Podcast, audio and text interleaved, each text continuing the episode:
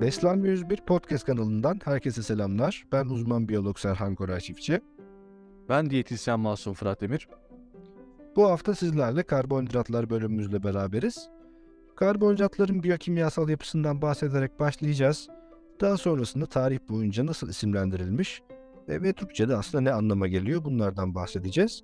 Sonrasında ise bizim günlük hayatımızda tükettiğimiz şeylerin nasıl isimlendirildiğinden ve e, nasıl bir şekilde karbonhidratlara dayandığından bahsedeceğiz.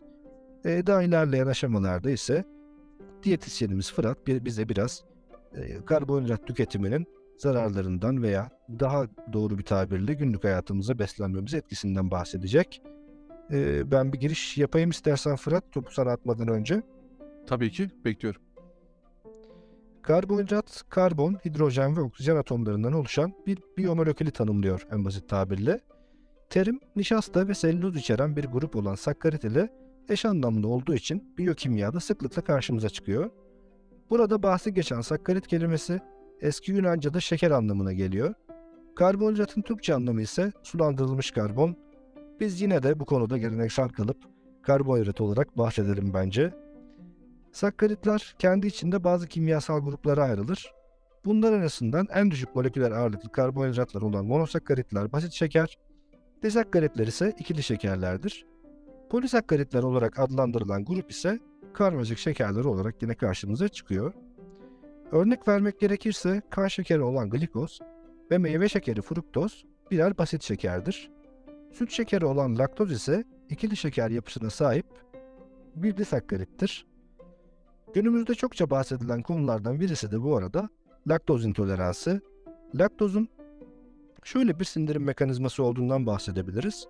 Bağırsaklarda laktaz adı verilen bir enzim var ve bu enzim tarafından sindiriliyor laktoz ve aslında tam da bu enzimin yeterli miktarda salgılanamamasından dolayı şişkinlik, ishal ve karın ağrıları gibi birçok şikayete yol açıyor.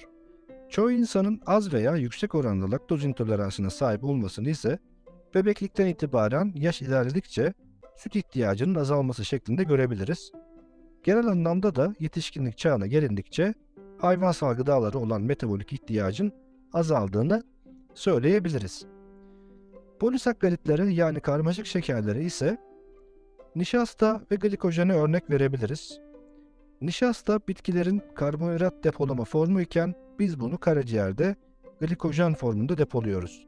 Yani aslında şekerli yeme kilo yapar uyarısındaki kilo e, tam olarak da e, bu depolama işlemine tekabül ediyor. E, bu arada glikojen dedik. Fırat, glikojen nedir? Vücudumuzun yüzde kaçı glikojendir? Bu bahsettiğimiz gibi aslında kilo yapan şey glikojen midir? Bize biraz bunlardan bahsedebilir misin acaba? Tabii ki. Ee, vücudumuzun yüzde kaçının glikojen olduğu e, henüz bilinmese yani yüzde bir ikisi diyebilirim aslında. Bu da çoğu kişiye göre, yaşa göre, cinsiyete, beslenme ve egzersiz düzenine göre değişebilir Koray. Ee, ancak genel olarak vücudumuzun glikojen depolama kapasitesi ortalama olarak yaklaşık %1-2 diyebiliriz. Yani örneğin 70 kilo ağırlığında bir kişinin vücudunda yaklaşık olarak 700 gram ile 1400 gram arasında glikojen depoları bulunabilir. Ve glikojen karbonhidratların depolanmış formudur ve vücuttaki ana enerji kaynaklarından biridir. Ve vücudumuzda depolanmış glikojen kaslarda ve karaciğerde bulunur ve yoğun egzersiz sırasında enerji kaynağı olarak kullanılır. E, glikojen kilo yapmaz ancak aşırı miktarda karbonhidrat tüketimi vücuttaki glikojen depolarının dolmasına ve fazla karbonhidratların yağ olarak depolanmasına neden olabilir. E, bu sürece lipogenez denir e, ve yağ oluşumunu teşvik eden bir hormon olan insülin tarafından kontrol edilir. Bu nedenle karbonhidrat tüketimine dikkat ederek ve düzenli egzersiz yaparak da sağlıklı bir vücut ağırlığı korunabilir Koray. Çok teşekkür ediyorum Fırat. Bu arada insülin dedin. İnsülin de aslında önemli bir hormon. O yüzden bundan evet. biraz da bahsedelim istiyorum. İnsülin Tabii. nedir acaba işte nedir acaba görevi vücudumuzun içerisinde?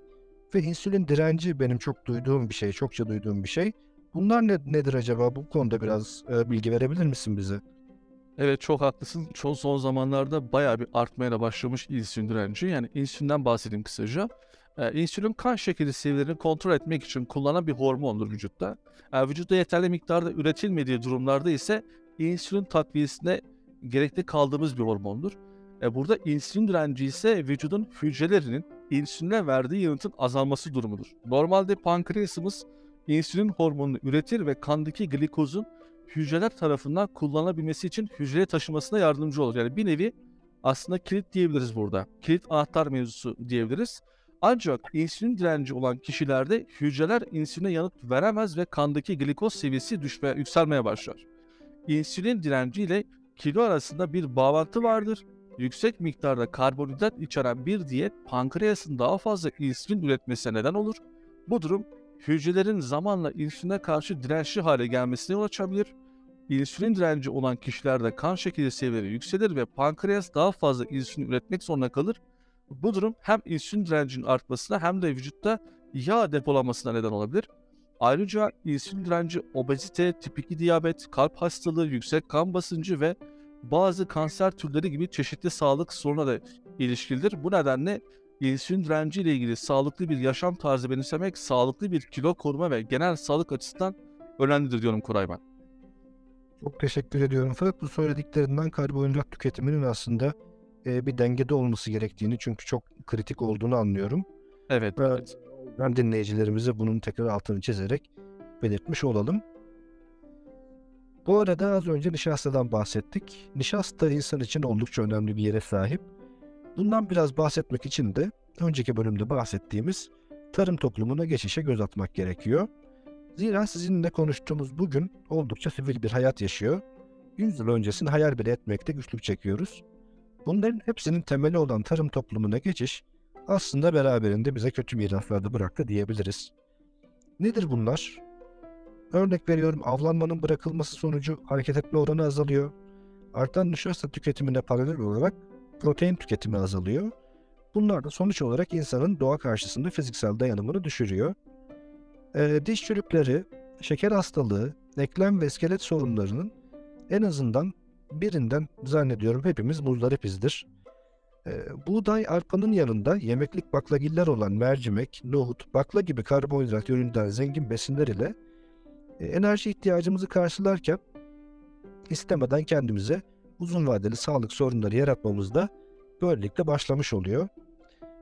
Bu arada bazılarının sandığının aksine gluten bir karbonhidrat değil, proteindir. Bunu hazır aklıma gelmişken belirtmek istedim özellikle Fırat çünkü sen de biliyorsun çokça karıştırılıyor. Nişasta kaynağı olan buğdayın gluten içermesi sanıyorum bu kafa karışıklığına yol açıyor. Ee, bu konudan protein bölümünde yeniden bahsedeceğiz. Aynı zamanda glutensiz beslenmeyi içeren fonksiyonel beslenme tipi de yine beslenme tipi bölümlerimizin arasında yer alıyor olacak. Ee, bu arada sıra sana yeniden geliyormuş gibi görünüyor Fırat. Bilmiyorum hazır mısın? Ama hazırım tabii ki. O zaman da aklıma gelmişken hemen sana birkaç soru yönelteyim.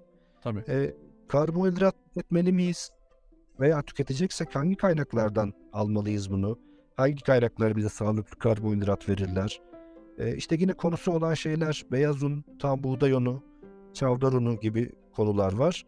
Ee, bunlar arasındaki farklar nedir? Ee, bize biraz bilgi verebilirsen bu konuda e, çok sevineceğim. Tabii ki Koray hemen bilgi vereyim. Karbonhidratlar tabii ki gerekli bizim için. Ee, sağlıklı bir diyetin önemli bir bileşenidir ve vücudumuzun enerji ihtiyacını karşılamak için gereklidir. Ee, ancak karbonhidratların kaynakları ve tüketim miktarları önemlidir. Aşırı tüketim kilo alma ve diyabet gibi sağlık sorunlarına yol açabilir. Sağlıklı karbonhidratlar tam tahıllar, sebzeler, meyveler ve baklagiller gibi kompleks karbonhidrat kaynaklarıdır. Rafine şekerler ve işlenmiş gıdalar gibi basit karbonhidratlar ise mümkün olduğunca az tüketilmelidir. E, bu konu altını çizmek gerekiyor zaten şu dönemde de. E, beyaz un ve tam buğday ise beyaz un ve tam buğday unu arasındaki temel fark işleme sürecidir. Beyaz un kabuğu ve embriyosu alınmış buğday tanelerinin ince öğütülmesiyle elde edilir. Tam buğday unu ise buğdayın tam taneleri öğütülerek elde edilir. Dolayısıyla tam buğday unu daha fazla lif, vitamin ve mineral demektir. Sağlıklı bir beslenme düzeninde tam tahıllar, sebzeler, meyveler ve baklagiller gibi kompleks karbonhidrat kaynaklarına yer verilirken işlenmiş gıdalar ve rafine şekerler mümkün olduğunca az tüketilmelidir. Yani örneğin Akdeniz diyeti ve Daş diyeti gibi sağlıklı beslenme düzenleri tam tahıllar, sebzeler, meyveler ve baklagiller, sağlıklı yağlar gibi kompleks karbonhidratlara kaynaklara önem verir.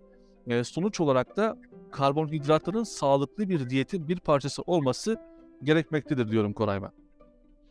Çok teşekkür ediyoruz verdiğin bilgiler için Fırat. Ben teşekkür ederim. O zaman önümüzdeki bölümde proteinlerden mi bahsetsek ne dersin? Çok iyi olur. Güzel. Aynı şekilde bize gelecek olan geri bildirimlere göre de sonraki bölümlerimizi dizayn edebiliriz. Ee, bu konuda aklınızda olsun. Söyleyecekleriniz her zaman bizim için değerli olacak sevgili dinleyicilerimiz. Ee, o zaman bu haftalık size e, elveda diyelim. Önümüzdeki hafta protein bölümünde görüşmek üzere. Kendinize iyi bakın. Hoşça kalın. Hoşçakalın. iyi haftalar.